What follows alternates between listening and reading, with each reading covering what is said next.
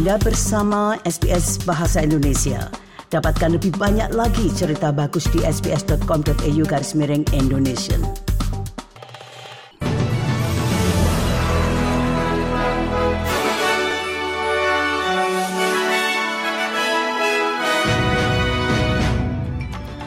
Warta berita SBS Audio untuk hari Senin tanggal 20 November.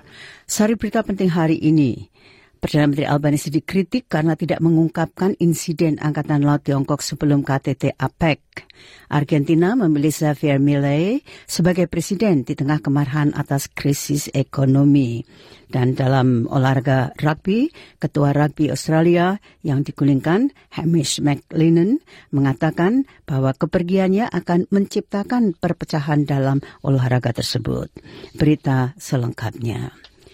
Perdana Menteri Anthony Albanese menghadapi kritik karena tidak mengungkapkan rincian serangan terhadap personel Australia oleh Angkatan Laut Tiongkok sampai dirinya bertemu dengan Presiden Xi Jinping di KTT APEC. Mantan Perdana Menteri dan Duta Besar Amerika Serikat saat ini, Kevin Rudd, membela tindakan Perdana Menteri Albanese dan kritik dari pihak oposisi dan anggota parlemen. Dikatakannya, Menteri Pertahanan Richard Marles telah menyampaikan keberatan Australia dengan jelas kepada pihak yang berwenang Tiongkok. You can't sit there and pretend you're going to be nice on trade while this is going on with our own Navy people um, that could have brought more harm to them and without raising this. This is just ridiculous. What, what happened to the friendship and, and the trust? Nah, Hamas membantah klaim Israel bahwa mereka mempertahankan pos komando yang luas di dalam dan di bawah rumah sakit Al-Shifa di Gaza. Tentara Israel telah menunjukkan bukti yang belum diverifikasi mengenai adanya terowongan di bawah kompleks rumah sakit seluas 20 hektar, termasuk rekaman kamera keamanan yang diklaim menunjukkan dua sandera asing dari Thailand dan Nepal dibawa ke rumah sakit setelah serangan Hamas pada tanggal 7 Oktober. Juru bicara Hamas Osama Hamdan mengatakan pihaknya tidak pernah menyembunyikan keberadaan terowongan di Gaza, namun klaim tentang pusat komando yang lebih besar tidak benar. The Israelis didn't talk about a tunnel. They claim that this hospital was a center for command, control, administration, and domination, an issue which is much bigger than just a tunnel. Where is that? There's nothing of that sort. Sementara itu, Senator Partai Hijau Sarah Hanson Young mengatakan Optus perlu menunjukkan kepemimpinan untuk memulihkan kepercayaan setelah CEO Kelly Bayer Rosman mengumumkan pengunduran dirinya menyusul pemadaman jaringan besar-besaran pada tanggal 8 November. Dalam sidang Senat pada hari Jumat 17 November, Bayer Rosman terpaksa menjawab pertanyaan sulit tentang pemadaman listrik selama berjam-jam yang menyebabkan lebih dari 9 juta pelanggan tidak dapat melakukan panggilan atau mengakses internet. What we now know is that it's up to the Optus board and the rest of the leadership there to fix the problems, uh, to make it clear to the Australian people that this type of outage won't happen again. And if it does, Optus will have a proper risk management plan in place and communicate properly with their customers. Para pemilih di Argentina telah memilih Xavier Milei sebagai presiden baru mereka dalam pemilihan putaran kedua yang ketat di tengah kemarahan para pemilih terhadap inflasi tiga digit dan meningkatnya kemiskinan.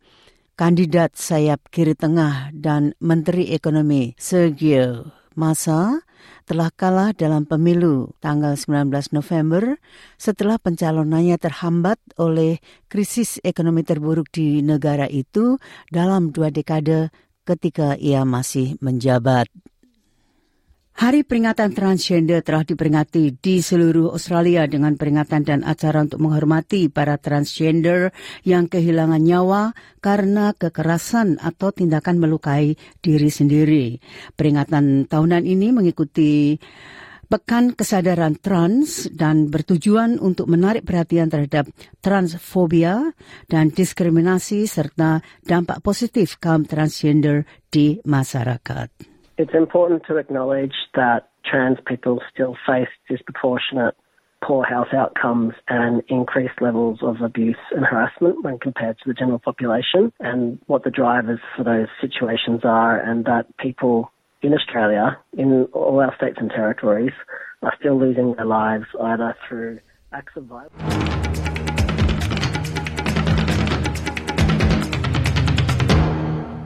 Mantan Ketua Rugby Australia atau RA, Hamish McLennan, mengatakan kepergiannya dari Dewan akan menciptakan perpecahan lebih lanjut dalam olahraga itu. Hamish McLennan dicopot dari jabatannya setelah pertemuan larut malam 19 November setelah enam serikat anggota yang belum berkomitmen terhadap rencana sentralisasi rugby Australia termasuk Queensland, ACT, dan Rugby Australia Barat menuntut pengunduran dirinya.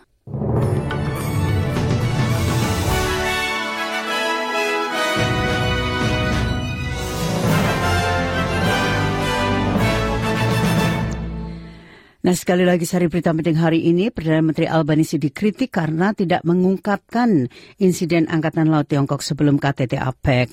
Argentina memilih Xavier Milei sebagai presiden di tengah kemarahan atas krisis ekonomi. Dan dalam olahraga rugby, Ketua Rugby Australia yang digulingkan Hamish McLennan mengatakan kepergiannya akan menciptakan perpecahan dalam olahraga tersebut. Sekian Warta Berita SBS Audio untuk hari Senin tanggal tanggal 20 November.